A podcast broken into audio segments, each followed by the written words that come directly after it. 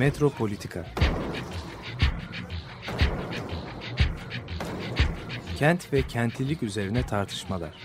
Ben oraya gittiğim zaman balık balık balık balık tutabiliyorum mesela.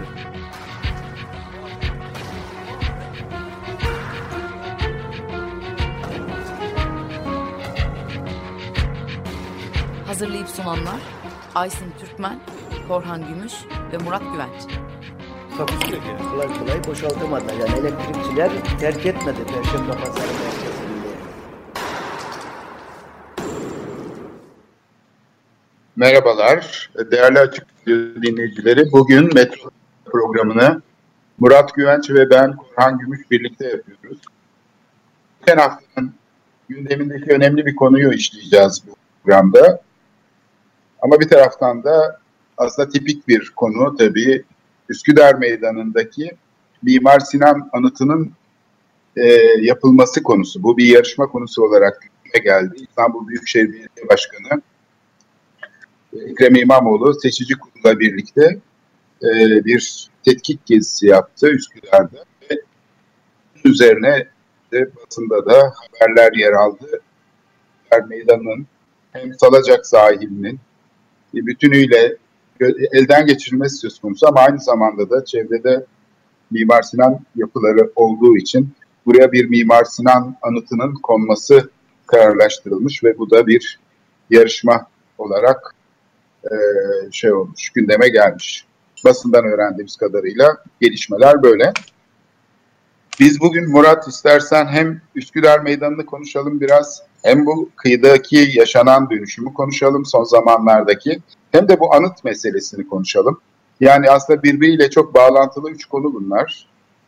Ee, mesela buradaki anıt deyince ben- benim aklıma şeyler geliyor. Son dönemde yapılan değişikliklerle sahil yollarının açılmasıyla meydanın geçirdiği dönüşüm de geliyor. Çünkü bu anıt aslında bu meydanın e, şu andaki temel şeylerinden biri, sembollerinden biri olacak. E, ve biz bunu nasıl gerçekleştireceğiz? Buradaki anıt kavramı nasıl e, bir şey kazanacak, işlev kazanacak, nasıl bir e, çerçeve içinde ele alınacak? Bunlar hepsi seçici kurulun önündeki zorluklar. İlk önce yani belki şey yapabiliriz. İlk önce bir anıt meselesiyle başlayalım istersen. Yani 19. yüzyılda daha çok anıtlar bu kamusal alanları şey yapan, anlamlandıran önemli şeyler oluyor, simgeler. Öyle değil mi? Yani bütün Evet, evet. şeylerde e, birdenbire bu neoklasik dünyanın aslında inşasında çok önemli rol oynayan bir şey. Mimar Sinan da aslında Türkiye'de sanatın, mimarlığın millileştirilmesinin çok temel bir figürü. E, onun da bu nedenle anıtları yapılmaya başlanıyor.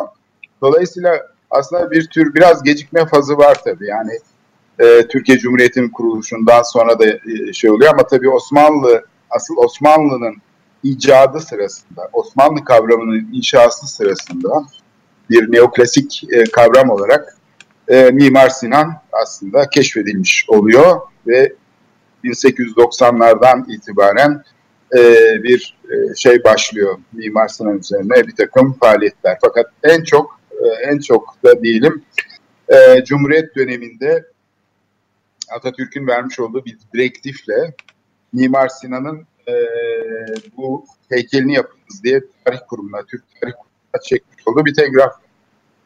Önemli bir şey, dönüm noktası 1935 yılında. Tabii e, burada e, bu telgraf sonrasında epey bir e, çalışma yapılıyor. Mimar Sinan'ın mezarı açılıyor, kafatası çıkarılıyor. Hani neye benziyordu Mimar Sinan? Bu çıkarılmaya çalışılıyor. Doğmuş olduğu köye gidiliyor. Ağırnas'ta fotoğraflar çekiliyor.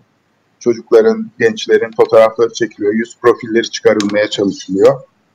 Yani bir gerçeklik arayışı var.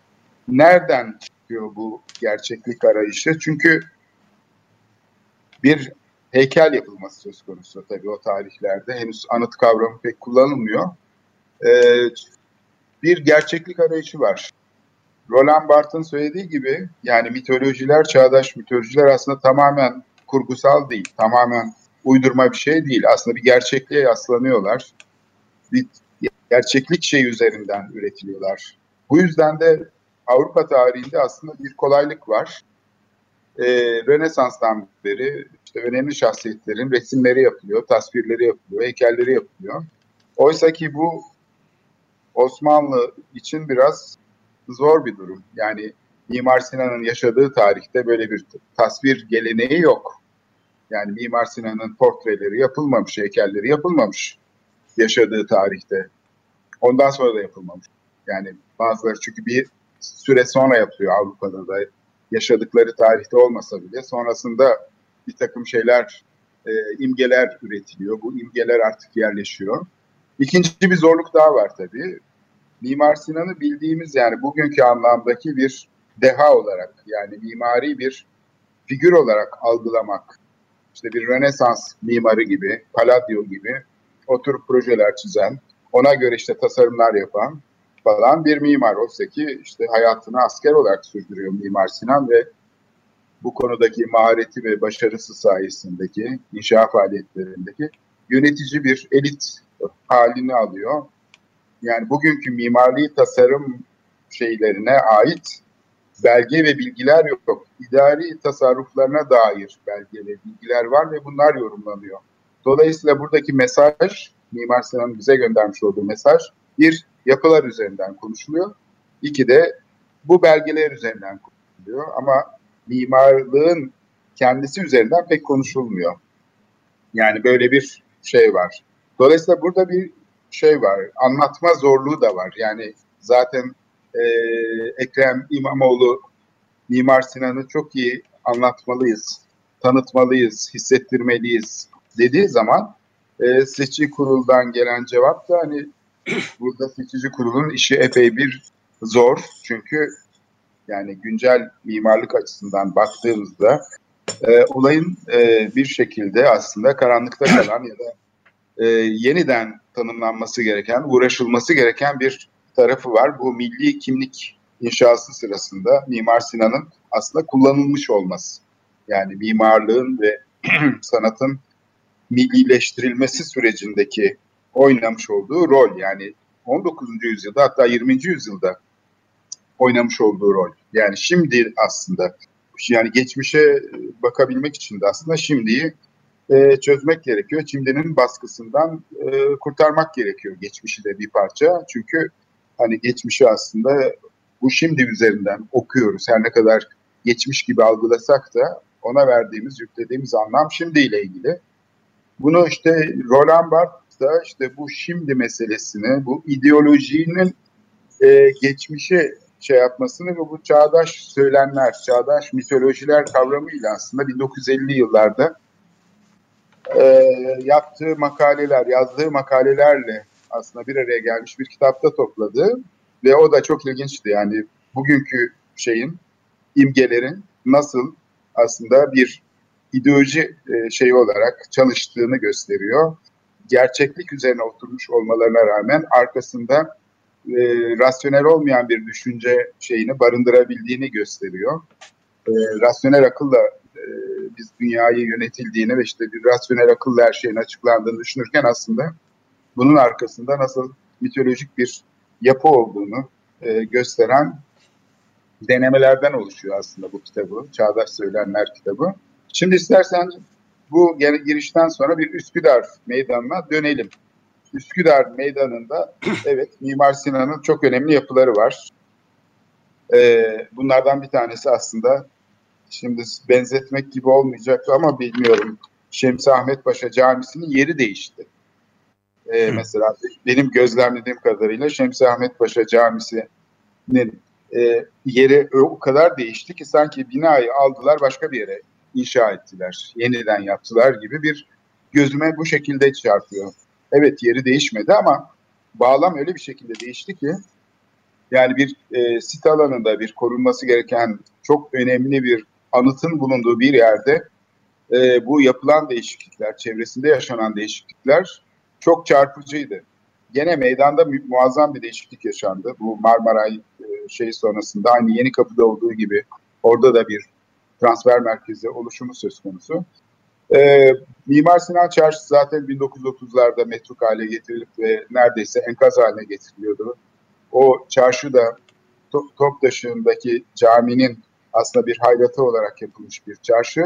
O da felaket bir tamirat ve şey geçirdi. Yani aslında yani burada bir şey var. Yani bir onarım ihtiyacı var. Gerçekten e, meydan o eski Anadolu yakasının işte Şile, Riva, şey Ava falan otobüslerinin kalktığı, Ümraniye'den geçen işte öyle eski kamyondan bozma otobüslerin kalktığı küçük bir meydandı aslında değil mi?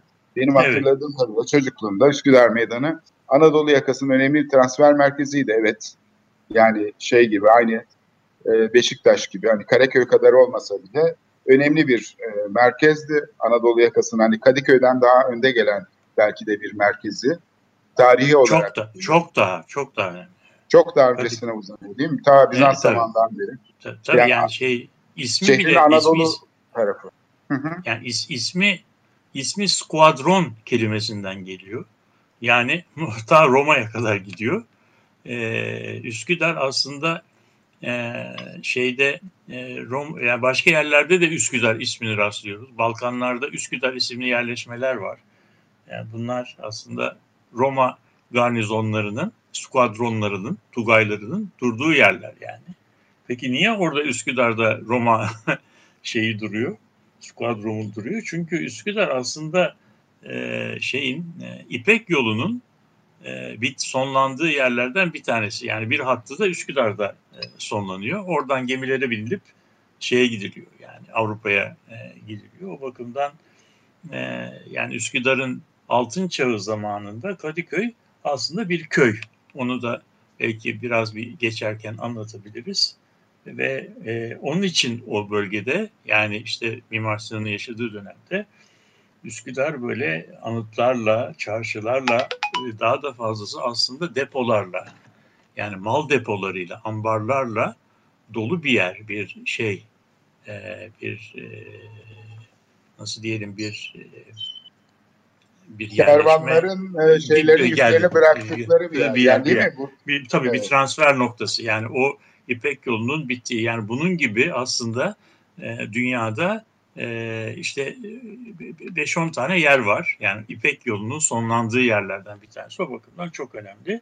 Ve işte bütün o anıtlar da e, bu yerin nasıl diyelim dünya ticaretindeki ve İstanbul şehir coğrafyasındaki önemini e, gösteriyor ve işte İstanbul'un e, işte altın çağı diyebileceğimiz işte kanuni döneminde de yani o dönemin şeyi e, işte baş mimarı e, orayı nasıl diyelim artık anıtlarla bezemiş yani orada büyük anıtlar olduğu gibi işte değil mi bir de çok hoş bir mimar bir küçük cami vardı deniz kıyısında belki o Mihrimah mıdır ismi bilmiyorum ismini hatırlayamıyorum. Mihrimah evet meydana hakim olan cami Mih- Mihrimah Camisi. Şemsi Ahmet Paşa ise Şemsi Paşa e, olarak kısaltılıyor. Suyun kenarında bir yalı cami ve bir şey Yani tam ben yanlış ben yanlış biliyorum ama yani işte Şemsi Paşa'da o, o oradaki o çok hoş cami yani bence. Ee, şimdi tabii senin e, söylediğin baştaki söylediğin şey bizim bu Üsküdar Meydanı'nı ele almamızda yararlı olabilir. Yani bu meydan eskiden e, işte ta söyledim şeye gidiyor.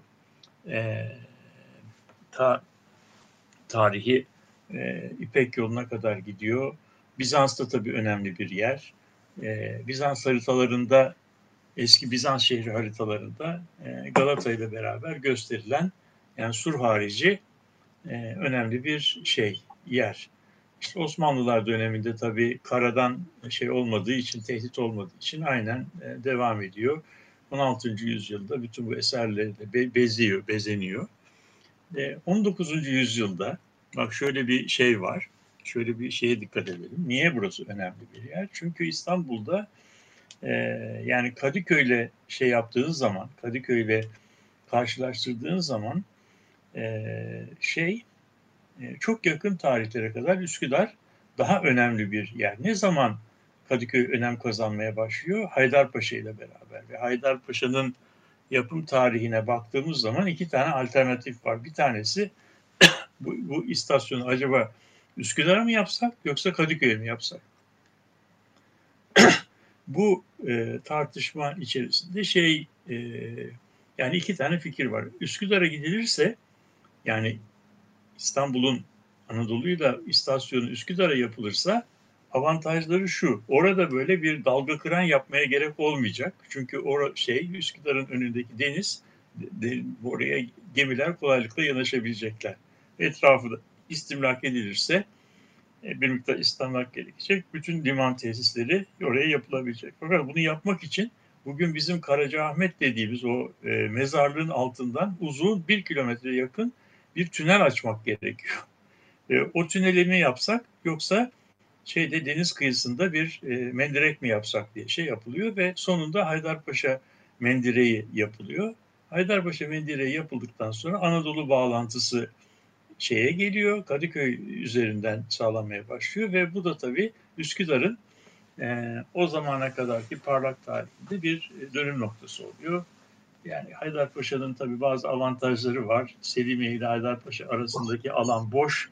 O alan kolaylıkla e, işte başka alan, başka faaliyetlere şey yapılabiliyor ve o yapılan dalga kıran zaman içinde Boğaz sahilini şeye kadar e, yani Kadıköy'ü şeyden e, işte Rodos fırtınalarından e, bir miktar olsun koruyor ve Boğaz'ı sanki Kadıköy'e kadar e, Boğaz kıyısını uzatıyor. O, o tarihe kadar Boğaz bizim bugün Salacak'ta bitiyor. Neyse bu tarihsel şeyi bırakalım. Kadıköy yani Üsküdar bu anıtlarla e, şeyli bir yer, donanmış bir yer. Peki bu anıt yani bir mimarın bütün e, nasıl diyelim en önemli eserlerinden bir seçkinin bulunduğu bir yerde e, mimarın anıtını yapmak. Bu, bunu biraz e, şey yapalım. Osmanlıların bir bir şeyi var yani bir e, ben bunu doğrusu şahsen yani anıt yapmak isteyenlere bir itirazım yok ama yani biraz e, anlamlandırmakta doğrusu biraz şey zorlanıyorum. Şimdi anıt ne zaman nerede yapılıyor? Hangi bağlamlarda anlamlı? Hangi bağlamlarda anlamı o kadar anlamlı değil. Şimdi eğer e, yani şöyle bir şey düşünelim. E, Grönland'da veya Finlandiya'da bir, bir mimarlık okulu e, Mimar Sinan'ın eserlerini keşfetse ve yani bu e, bu Mimar Sinan eserlerine hayranlık duysa ve burada büyük doktora tezleri, büyük çalışmalar, kitaplar yapılmaya başlansa ama tabii o çevrede Mimar Sinan'ın hiçbir anıtı yok. İşte e, o zaman senin başta söylediğin gibi bir Mimar Sinan anıtının oraya konulması yani hiçbir eserin olmadığı bir yerde bir önemli şahsiyetin anıtının yapılması insanlarda bir merak uyandırıyor. Yani bu, bu adam kimmiş? Önemli bir adam olmasa bunun eserini buraya koymazlar. E, o zaman Mimar Sinan'ı orada gördükleri zaman ya bu adam ne yapmış ki ne yapmış diye insanlarda bir merak uyandırıyor ve e, adamın şahsiyeti üzerinden eserlerine giden, katkısına giden bir şey, bir nasıl diyelim, e, bir e, köprü kurulmuş oluyor. Bizim paramızın üzerinde mesela Mimar Kemalettin'in resmi var 20 liraların üzerinde. Ben ne zaman o resmi görsem onun arkasında silüet olarak da işte bu dördüncü vakıf hanın şeyini görüyorum, e, resmini görüyorum. Mimar üzerinden de esere giden bir şey, simge üzerinden bir köprü kurulmuş oluyor. Fakat bunun anıtın yapılacağı yerde e, Mimar Sinan'ın eserlerinden daha fazla bir şey yok. Her taraf Mimar Sinan eseri kaynıyor değil mi? Çeşmesinden şeye kadar, e, evet. camilere kadar. Yani orası bir Mimar Sinan müzesi gibi bir yer. Yani e, bir de Osmanlıların bir lafı var hani ailesi iştir kişinin lafa bakılmaz diye bir lafları var. Yani işler ortalıkta her e, sağım, solum, arkam, önüm her tarafın Mimar Sinan eseriyle dolu bir yerde Mimar Sinan'ın hani bir de bedenen şeyini yapmak, anıtını yapmak. Yani bu, burada ben doğrusu yani hani e, yaparlarsa bir zararlı olacağından değil de bunu bunun çok anlamlı olmadığını düşünüyorum. Yapılması Şimdi burada iki şeyler. anlam olabilir Murat. Şimdi İmamoğlu'nun yarışmanın amacını anlatırken, gerekçesini anlatırken Mimar Sinan'ın dehasını, kişiliğini çok iyi anlatmamız, hissettirmemiz gerekir demiş. Zaten bu kararı veren de kendisi. Yani ben kararı kim veriyor diye merak ediyorum hani bu tür kararları. Çünkü bunlar bir kişinin kararı değil mutlaka danışıyor.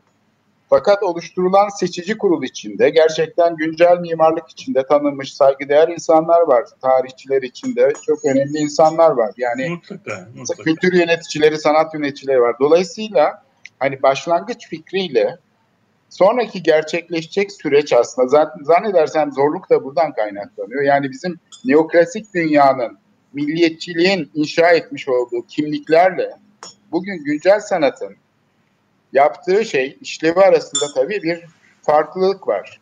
Çünkü bir kere Mimar Sinan'ın dehası dediğimiz şey nedir? Çünkü Mimar Sinan'ın mimarlık yaptığı dönem ya da biz şey bugünkü gibi yani gidip mimarlık bürosunda çalışıp proje çizmiyor.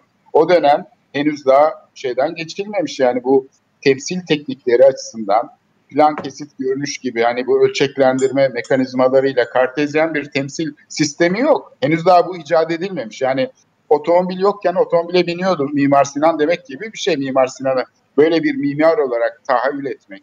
O tarihlerde özellikle imparatorluk dünyası içindeki bütün temsil şeylerinde ya da imajlar imajlarla yan yana duruyor. Yani imajların başka bir şeyin yerine geçip onun üstüne hükmetmesi ancak retorikle oluyor. Yani söylemsel şeyler. Bu da zaten belgelerde yansıyor. Açık olan, eksplisit olan şeyler hep büyüklükler, adetler, sayılar, paralar hiçbir zaman imajın kendisi değil. İmaj aslında diğer imajlarla yan yana duruyor. Yani oradaki nakkaş olsun, ahşap ustası olsun, e, şeyi işleyen, taşı işleyen usta olsun. Bunların imgeleri aslında imajlar. Yani imaj imajı tekrarlıyor kendi yapım bilgisini. Bunu artiküle eden, eklenmeyen bir söylemsel düzey var, bir retorik şey var.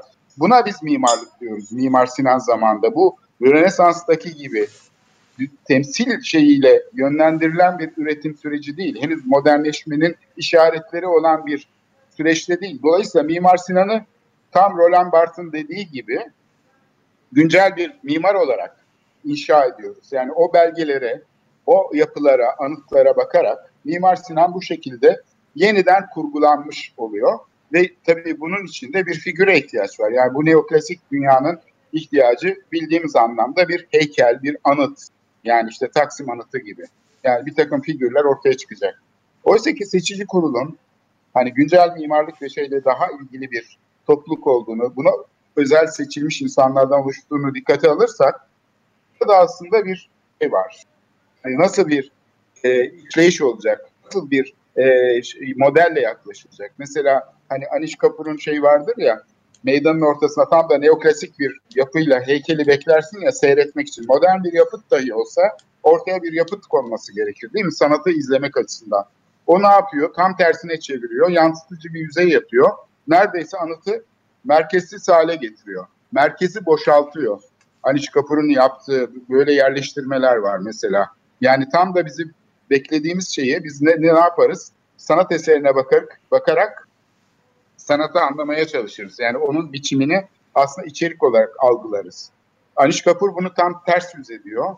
O içeriği bize sunmak yerine bize yansıtıyor. Yani tersine merkezi boşaltan bir işlevle anıtı yerleştiriyor. Burada da belki yani bu yarışmanın şartnamesine baktığımızda ki yakında herhalde şartname açıklanacak. O zaman göreceğiz ki aslında seçici kurul da bizim gibi düşünmüş ve aynı kaygılarla hareket etmiş diye belki de göreceğiz. Yani bunu bu ihtimal de var.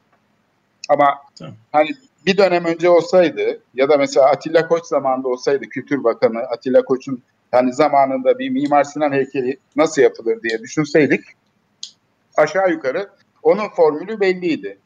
Hatta tarif ederdi değil mi? Atilla Koç olsaydı yarışma yapacağız falan derdi ama şartnameyi de bir taraftan kendisi oluştururdu. Derdi ki Mimar Sinan'ı şöyle ata bindirin. Atın işte ayağı şöyle hafif yukarı kalkmış olsun.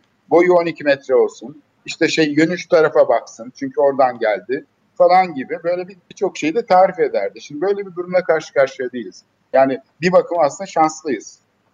Bu şans şeyden kaynaklanıyor. Yani fikirler ortaya çıkıyor ama işleniyor. Bu fikirler tamamen bir patronaj ilişkisiyle ya da yukarıdan verilmiş bir siparişle Çamlıca Camisi'nde olduğu gibi ya da Taksim Kışlası'nda olduğu gibi mimar şunu yapsın, sanatçı şunu yapsın gibi yukarıdan verilen bir talimatla verilmiyor. Bugün İstanbul Büyükşehir Belediyesi'nde tabii önemli bir değişiklik var.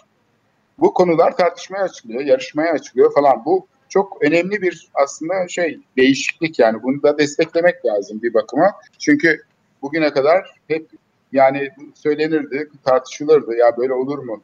Yukarıdan talimatla mimari proje yapılır mı? Şimdi şehircilik projeleri hariç, şehircilik projeleri hala daha kurumsal olarak belediyenin kendi yapısı tarafından üretilmeye çalışılıyor. Araştırmalar vesaireler şirketler altında yapılmaya çalışılıyor ama hiç olmazsa mimari konuda bir açılma değil mi? Bir şeye davet edici bir durum da var. Yani düşünmeye davet edici işte Taksim yarışması gibi şeyler gibi yarışmalar yapılıyor.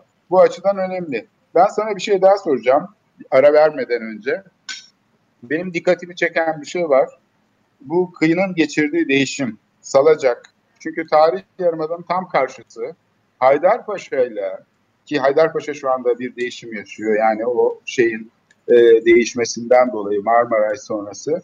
E, Üsküdar'a olan kısım genellikle pek kullanılan bir kamusal alan değildi geçmişte. Fakat orada işte plajlar vardı, yürüyüş e, mekanları vardı, yukarıda bir takım şeyler vardı, çay bahçeleri. Ama en önemlisi de bir falez yapısıydı burası. Bu falez yapısının önünde Şemsi Camisi'nin de olduğu gibi yani çok önemli bir kültürel peyzajdı bu. Bu çok radikal bir şekilde değişti son e, 20 senede. Değil mi? Buradaki asfalt yol genişletildi, işte şeyler yapıldı falan. İstersen bunu programın ikinci kısmında bu bölgenin değişimiyle birlikte hem de bu anıtın yapılma fikrinin nasıl bir bağlantı kurabiliriz? Bunları konuşalım ve bir müzik arasıyla istersen devam edelim. Moby'den dinliyoruz. The Middle is Gone isimli parçayı. Evet. Metropolitika devam ediyor. Moby'den dinledik. The Middle is Gone isimli parçayı. Ee, bugün Metropolitika'da Murat Güvenç ve ben Korhan Gümüş Üsküdar Meydanı'ndaki Mimar Sinan Anıtı yarışmasını konuşuyoruz. Hem de bu anıtı konuşurken bağlamı da ele almaya çalışıyoruz. Çevresinde yaşanan değişiklikleri. Şimdi bu anıt meselesi işte neoklasik dünyanın bir kalıntısı aslında. Yani değil mi? E, milliyetçilik ya da işte modernleşme dediğimiz şey o tarihlerde yani 19. yüzyıl sonunda özellikle bu şeylere ihtiyaç duyuyor. E, çünkü ulus devletlerin kuruluşuyla çok yakından bir ilişkisi var. Sanatın ve mimarlığın millileştirilmesinin. E, bunun Türkiye'deki figürü de Mimar Sinan. O yüzden e, şeyin e, milli sanat hamlesinin, milli mimarlık hamlesinin önemli bir figürüyle karşı karşıyayız. Diğer taraftan da bu imaj tabii bir takım kendi içinde şeyler taşıyor ve bugün güncel sanat, güncel mimarlık açısından da tabii bu imajın bir modele dönüşmesi sorgulanıyor. Yani aslında geçmiş hakkında bilgimizi tekrar sorgulayıp tarihçiler bu konuda araştırmalar yapıyorlar ve e, bu bildiğimiz neoklasik modeldeki bir inşa faaliyetini aslında bir söküm faaliyetine dönüştürerek konuya yaklaşıyorlar. Dolayısıyla anıt konusu da hazır bulunan bir şey. Belediye başkanı tarafından talep edilen bir şey. Mimar Sinan'ın dehasını tanıtmalıyız. Bu dehayı işte daha iyi hissettirmeliyiz. Çünkü nedense seçkinci bir alana sıkışıyor. Bu milli imaj hamlesi tuhaf bir şekilde milliyetçilik ne kadar popüler bir şeyse onun kültürel tarafı da o kadar seçkinci hale geliyor.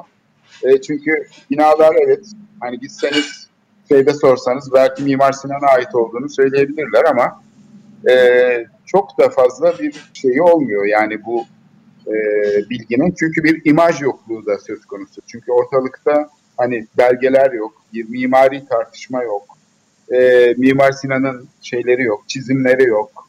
Bu imaj yokluğunda milliyetçiliğin böyle bir uydurmak gibi patolojik bir semptomu ortaya çıkıyor.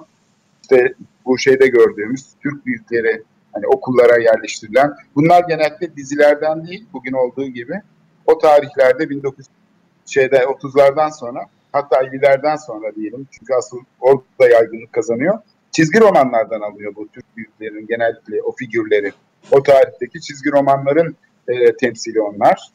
E, ve böyle bir şey var. Yani dolayısıyla çağdaş sanat, çağdaş mimarlık olarak baktığımız zaman tabii mimarlık tarihi açısından baktığımızda bu alanda epey bir kat edilecek epey bir mesafe var. Çalışılması gereken epey bir iş var. İşçilik bayağı zor bu açıdan baktığımızda. Ama biz istersen bu bağlamın ele alınışında da benzer bir problem var. Yani o meydanın geçirmiş olduğu dönüş dönüşüm. Değil mi? Şimdi Evet, mesela bu sahilde yapılan bu otoyol. Yani işte Kadıköy ile Üsküdar'ı bir- birbirine bağlamak.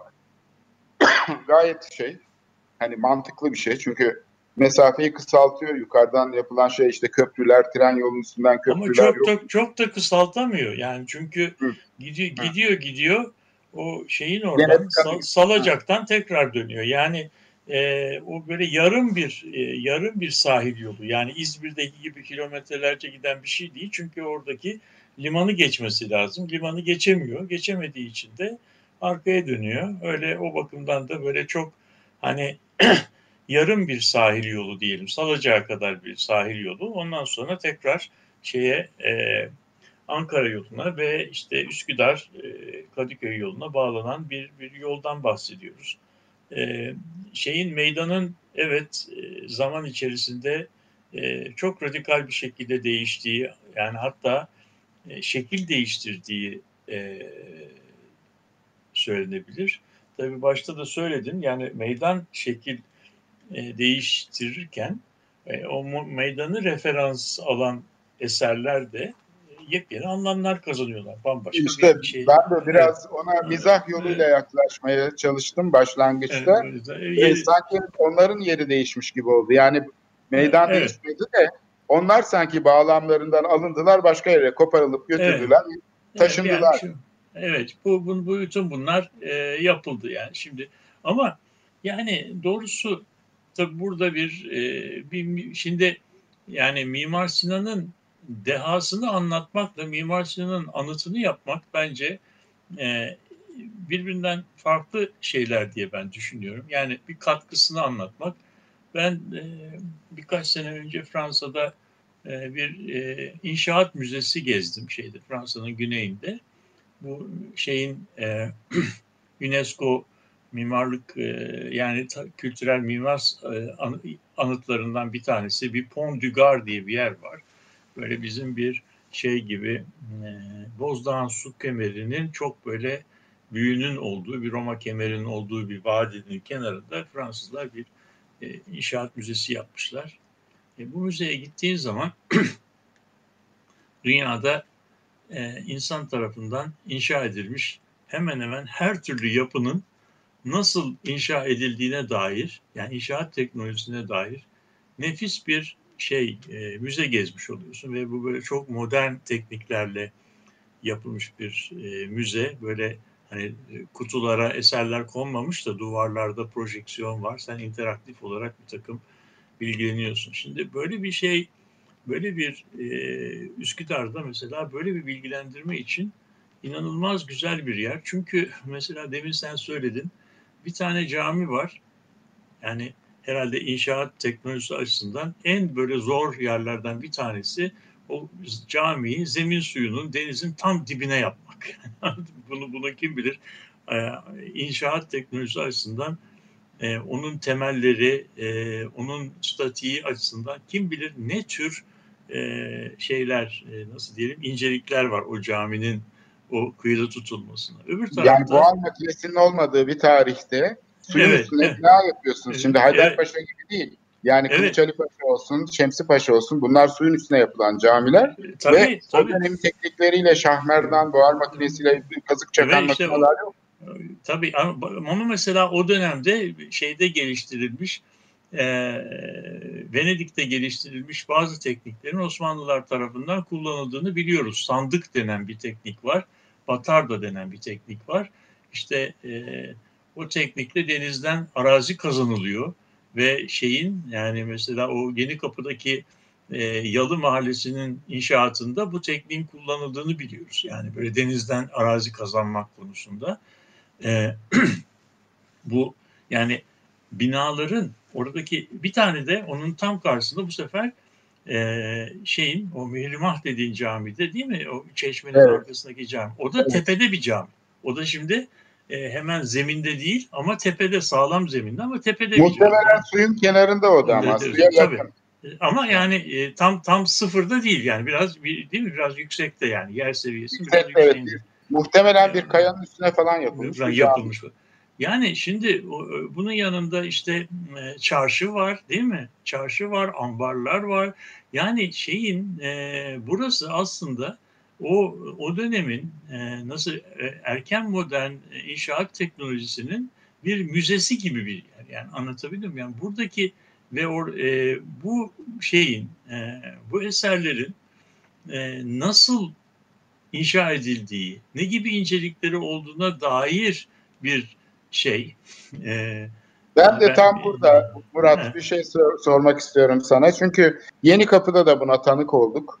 İhtiyaç karşılansın, iş görülsün diye buraya bir mimari müdahale yapılıyor. Yani bu transfer merkezinin işte bağlantı noktaları gerçekleşiyor.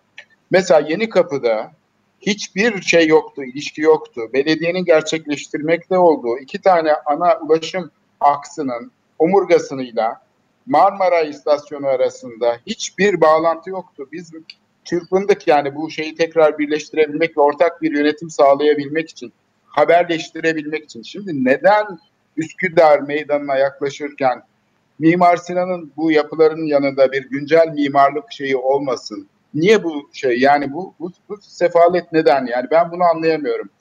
İhtiyaç karşılansın, iş diye işler yapılıyor sürekli. Oysa ki tam da işte böyle bir mimari şeyle güncel mimarlık şeyi burada kendini göstererek bu ilişkiyi bambaşka bir bağlama taşıyabilirdi. Yani gerçekleşen müdahaleler, harcanan paraların hepsi boşa gidiyor aslında bakarsan. İhtiyaç karşılansın diye yapılırken. Değil mi? Böyle yani, bir ya, hayır ben anladım. Anlı, anlıyorum da yani buradaki buradaki şeyin e, yani buradaki mimari mi- mirasın e, şehirliğe bir e, nasıl diyelim bir anlatıldığı e, şey yapıldığı bir e, bir vasat bir şey yok. Ben mesela bu e, anıt meselesine böyle bir iki farklı biçimde yaklaşılabileceğini düşünüyorum. Bir tanesi nesne temelli bir anıt yaklaşımı. Yani mesela bunun bir örneğini şeyde görüyoruz. İşte Galata Kulesi'nin sahibi kim? Eskiden belediyeydi. Ben onu geri aldım. Orada bilmem ne yapacağım falan gibi. İkincisi de alan temelli bir e, anıt yaklaşımı olabilir. O evet. zaman e, alan temelli bir e, yaklaşımda e, Galata Kulesi'nin kendisini reddetmek anlamında değil ama Galata Kulesi'nin içinde bulunduğu bütün alanı bir e, anıt gibi düşünmek. Yani e, ben ben doğrusu Karaköy'ün o, o kısmının kule dibinden Galata'ya kadar olan yol, yo- şeyin o Lüleci Hendek Caddesi'nin o surların izinin olduğu bütün o bölgenin kendisinin bir anıt olduğunu düşünüyorum. Yani o, Tabii e, apayrı bir şey değil ki. Yani anıt deyince sadece kule değil. Buradaki kule şey değil. Evet yani kuleye sahip olduğun zaman evet, öyleydi. evet kuleye sahip olduğun zaman şimdi bu, tam da bu Üsküdar'la ilgili olarak benim e, muhayyelemde öyle bir şey var. Yani Üsküdar'ı tarihsel olarak baktığın zaman burası böyle bir e, gerçekten bir alan anıt. Ala- a- alanın kendisi bir şey yani bir e, bir döneme tanıklık eden bir simge e, şey. Yani üzerinde çeşitli dönemlerden e, gelmiş olan katmanlar var. Yani bunun içerisinde Marmaray'ın efendim çıkışı da bir son dönem son dönemde aynı mekana yapılan bir katkı. Yani o şeyin o çıkışın başka bir yere değil de Üsküdar Meydanı'na yapılıyor olması da aslında demek ki o e, şeyin meydanın önemini 16. yüzyıldan bu zamana kadar da sürdürdüğünü gösteriyor. Yani şehir geneli içerisinde o Üsküdar varken Üsküdar'ın arkasındaki yerlerin hiçbirisi yoktu.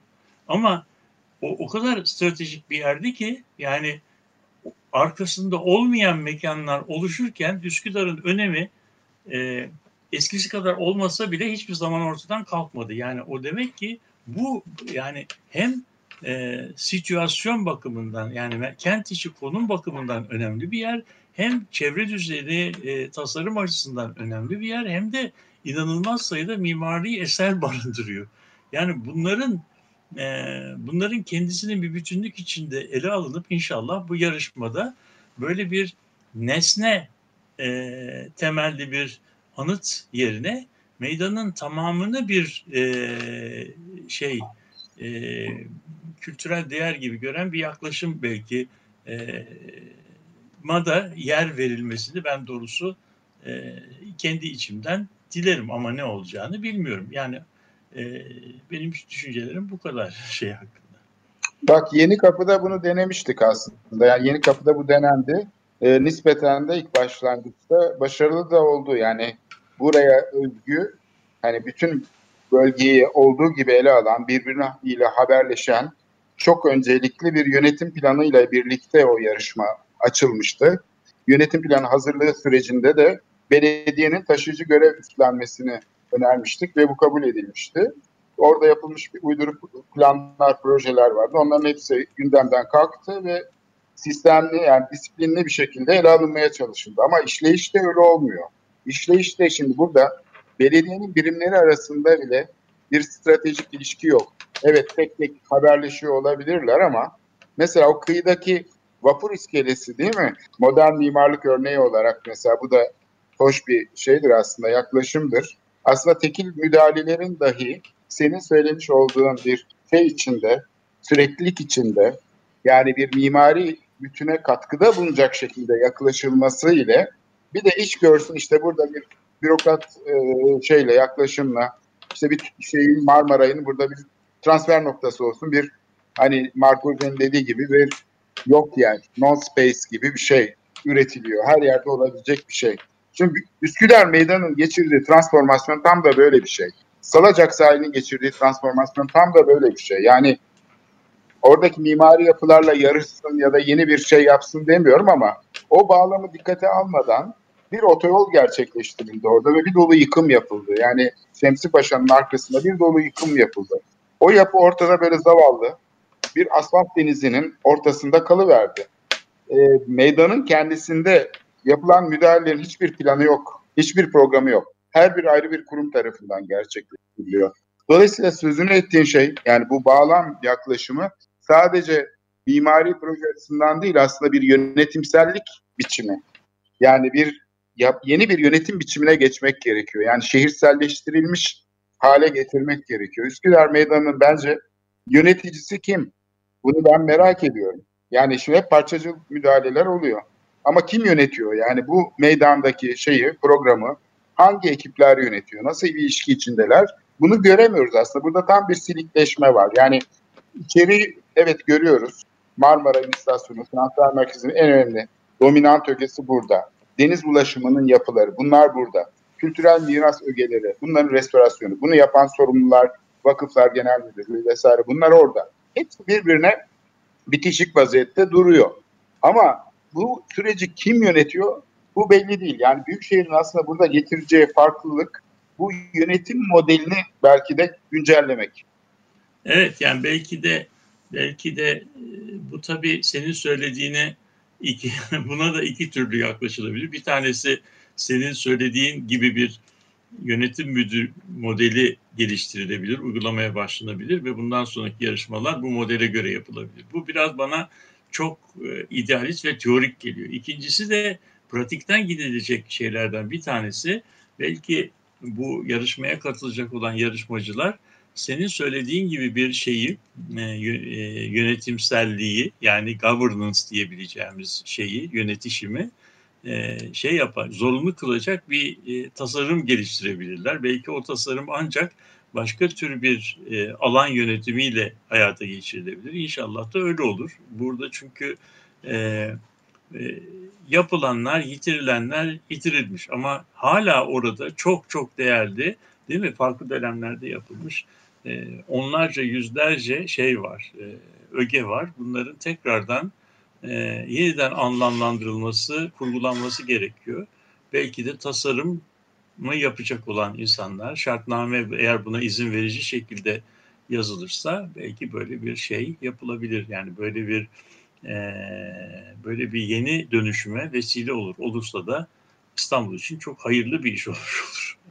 Ben burada bir şey ihlali, hani güncel mimarlık açısından bir e, şey ihlali, vizyon ihlali ya da yaklaşım ihlali görüyorum. Yani Şemsi Paşa gibi hani bir sahiden mimarlık şey diyelim e, eşi bulunmaz bir örneğin bugünkü getirilmiş olduğu hal tabii bu şeyle çelişiyor. Fakat bizim aslında onarımla birlikte bir de hafızalaştırma derdimiz var. Yani seçici kurulun aslında bence problematiklerinden biri bu olabilir. Genellikle bu tür süreçlerden sonra bir geçiş dönemi mimarlığı, geçiş dönemi adaleti diyelim. Yani mekana hakkını geri verme süreci yaşanıyor. Bu sürecin önemli şeylerinden biri ilk önce hatalarımız. Üçüncü bir şey daha var. O da hafızalaştırma. Yani biz burada ne yaptık ve neleri kaybettik? Bunun aslında burası sadece bir yas tutulacak ya da işte bir acı karşılığında işte şey yapılacak şey değil ama bir travmatik bir dönüşüm yaşanıyor. Yani sonuçta bu müdahaleler özellikle bu neoliberal hafızasız yaklaşımlar değil mi? Bu parçacıl yaklaşımlar, yönetimsellik modeli. Çünkü burada artık bilginin değersizleştiği, işlevin şey olarak görüldüğü, araçsal olarak görüldüğü, yaklaşımın tamamen basma kalıplaştığı falan. Sonra bir de simgesel ideoloji var. İşte bir heykeli yapalım, şunu yapalım, bunu yapalım gibi. Yani bununla bunu telafi etmek için. Dolayısıyla bu süreci nasıl onaracağız diye bakarken aslında bir hafızalaştırma girişimine de ihtiyaç var. Üsküdar'ın tarihi, hani Taksim'de yapıldığı gibi, Taksim'de o kavuşma durağı denen yerde hatırlarsan İstanbul Araştırmaları Merkezi'nin enstitüsünün güzel bir sergisi oldu. O sergi mesela çok hızlı bir şekilde hazırlandı. E, bence devam edebilir bu tip etkinlikler. Şehrin değişik kamusal alanlarında bu şeyi sürdürmek lazım. Bu hafıza meselesini e, şey yapmak. E, şehrin çünkü e, hafızasıyla şey yapmak, ilişki kurmak çok çok değerli bu müdahaleleri yaparken. Belki Tabii de, yani evet. Ben e, bu senin söylediğinin yani e, e, hayata geçirilebilmesi için İstanbul'un e, bir, bir şehir e, bütünü olarak bir hafızasının olması lazım. O hafıza da ortada yok. Yani İstanbul'un bir şehir müzesi yok mesela. Anlatabildim mi? Evet Her yani işte, evet. Yani şehir İstanbul Ofis var. Enstitüden söz ediliyor. Müzeden söz ediliyor. Ama bunun kurucu fikirleri, çerçevesi üzerine de bir tartışma yaşanması gerekiyor herhalde. Ee, evet, yani başka zaman şey, konuşalım.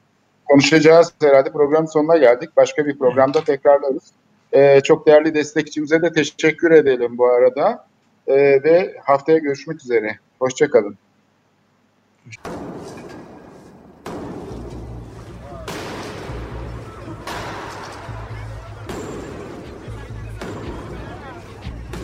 Metropolitika Kent ve kentlilik üzerine tartışmalar. Ben oraya gittiğim zaman balık balık balık balık tutabiliyorum mesela.